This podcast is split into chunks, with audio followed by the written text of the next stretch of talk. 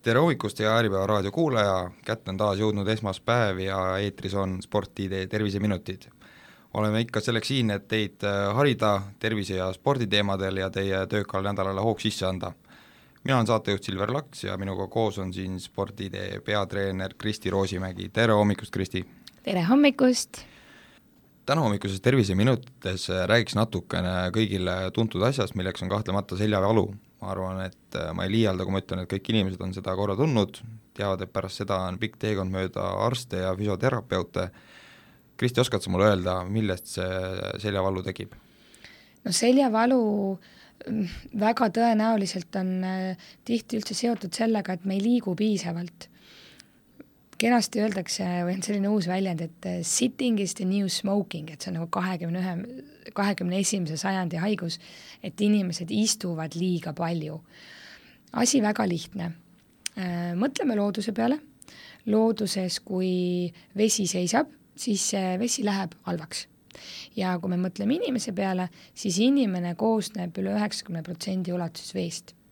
ja kui inimene ei liigu, siis ütleme nii, et ta läheb ka heas, noh, heas mõttes ei ole, halvas mõttes läheb halvaks. ja selja jaoks, kui me vaatame, mis asi on selgroog, lülisammas, lülisammas koosneb lülivaheketastest. nüüd, kui me liigume, liigutame, siis mis toimub, me tegelikult nagu äh, niisutame neid lülivahekettaid, sellepärast et see liikumine iseenesest tekitab meil vett, tekitab vedelikku ja, ja see, see vedelik siis omakorda, eks ole, niisutab lülivahekettaid, ehk äh, ma toon hästi tihti sellist näidet oma, oma klientidele ka, et mõelge svammi peale, et kui sa paned selle svammi vee sisse, siis see svamm läheb selliseks mõnusaks pehmeks ja, ja kui seda vett seal ei ole, et siis ta on selline kare ja rabe. Ja võib väga kergesti tegelikult puruneda. täpselt samamoodi toimub ka meie seljaga nüüd seljavalude puhul ma võin tegelikult no ütleme, üheksakümne viie protsendi ulatuses väita, et kui inimesed on hakanud harjutusi tegema, mis on just mõeldud seljale, vaatame kas või harjutusi loomariigist, kuidas kassid ennast venitavad, niisugused kassivenitused on hästi klassikalised seljavenitused, mida võiksid kõik teha, siis nendel kindlasti seljavalud kas kaovad päris ära või lähevad oluliselt vähemaks.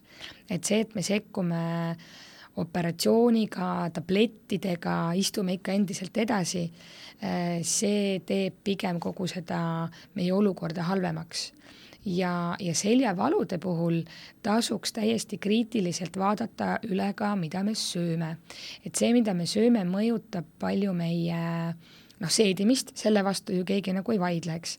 aga kui me sööme pidevalt, ma ei taha öelda neid halbu toiduained, aga noh, ikkagi äh, Äh, palju nisujahu ja jah, jah, just, siis äh, meil tekib kõhus põletik ja see põletik tegelikult mõjutab ka meie selga. et teinekord hoopiski, kui me korrigeerime oma toitumisharjumusi, siis see võib ka mõjutada meie selga väga olulisel määral. ja mis veel selga mõjutab, on hingamine ja see on kindlasti midagi sellist, mida me võib-olla igapäevaselt ise ei pane üldse tähele ja teinekord on vaja täiesti selle selle juures abi, et keegi õpetaks meid hingama, see tundub nagu veidi isegi naljakas.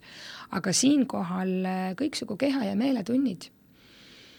kui nüüd sellest istumisest veel natuke rääkida, et äh, meie kuulajate seas on ka kindlasti palju inimesi, kes päev otsa istuvad ja see on nagu kohati paratamatu, et kas äh, kas on nagu istumise asend ja, ja kas me saame midagi teha seal laua taga, kuidagi istuda millegi, mingi muu asja peal või mida ma selle koha pealt teha, teha saaksin? ma arvan, et päris palju teatakse seda, et noh, et võtke suur pall, eks ju, nimetame neid fitballideks ja, ja istuge palli peal ja siis see kõik on okei okay., muidugi neid variante ju noh, võib leida erinevaid. ma olen siin käinud Itaalias äh, kus on koosolekute ruum, on siis selline püstiseismise koosolekute ruum, et kõik seisavad püsti või et kõik istuvad pallide peal, et erinevad sellised lahendused leitud ja, ja neid võib alati katsetada teha.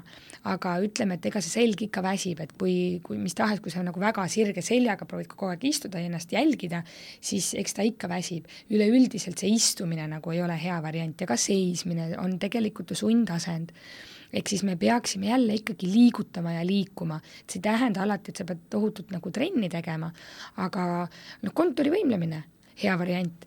või siis äh, tõusedki, tõused korra sealt laua tagant püsti, paned käed äh, tooli seljale ja kumerdad selga, kumer nõgus selga, et teed selliseid sirutusi, painutusi, ei midagi liiga keerulist, liiga rasket, aga see paneb tegelikult kõik juba jälle sinu kehas tööle ja liikuma ja mõel-, tulen jälle taas tagasi sellele, mis ma rääkisin, et mida see liigutamine siis meie selja jaoks tähendab, et ta tekitab vett ja see vesi niisutab lüljeväekettaid ja, ja kõik ongi hästi aga kui nüüd seda liikumist, seal tuleb vist mängu jälle nüüd see, et kuskilt jookseb see piir, eks, et kui seda liikumist on jällegi liiga palju, siis hakkab ka selg valutama, et äh, tuleb leida see kuldne kesktee, ma saan aru. no äh, liikumise põhjal või noh, nagu liigutamise põhjal, liigutamine igal juhul on hea äh, pigem on küsimus, kui on suur treeningkoormus, kui me seljast nüüd konkreetselt räägime, siis tehakse endale teinekord liiga näiteks kangiga, kangiharjutustega ja see tähendab seda, et see noh, maa külge tõmbejõud veel omakorda, eks ole, äh, üks selline klassikaline harjutus, mis võib väga palju selga ära rikkuda, on kükk, ja siis mõtlete nüüd, et niigi on see selg nagu veidi valutab, eks? See tähendab, et sul on sinna alaselga tekkinud päris korralikult palju pingeid. Ja siis sa paned veel selle kangi ka turjale ja noh, paned ikka korralikult raskust peale. Ja siis sa surud nagu veel rohkem, et sul need lülid on võib-olla seal niigi kokku surutud. Ja siis sa veel selle raskuse jõul surud veel rohkem neid kokku ja siis sealt lähevad veel närvid vahelt läbi ja siis sa surud veel need närvid omavahel kokku ja see verevarustus ja kõik on tegelikult seal häiritud.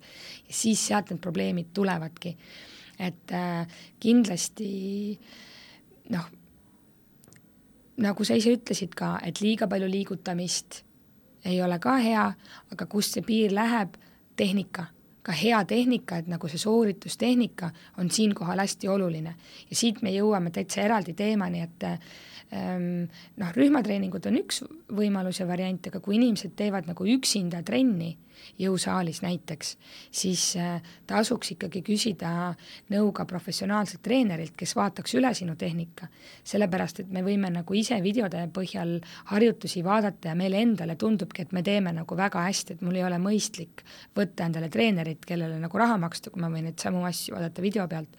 aga seal on sellised väikesed nüansid, millel on tegelikult hästi suur tähtsus nii et kui nüüd paari lausega see kokku võtta, siis äh, mida sa soovitaksid?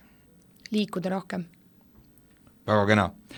aga selliseks kujunesidki meie kasulikke nõuandeid täis terviseminutid, suur aitäh, Kristi Rosimägi! aitäh!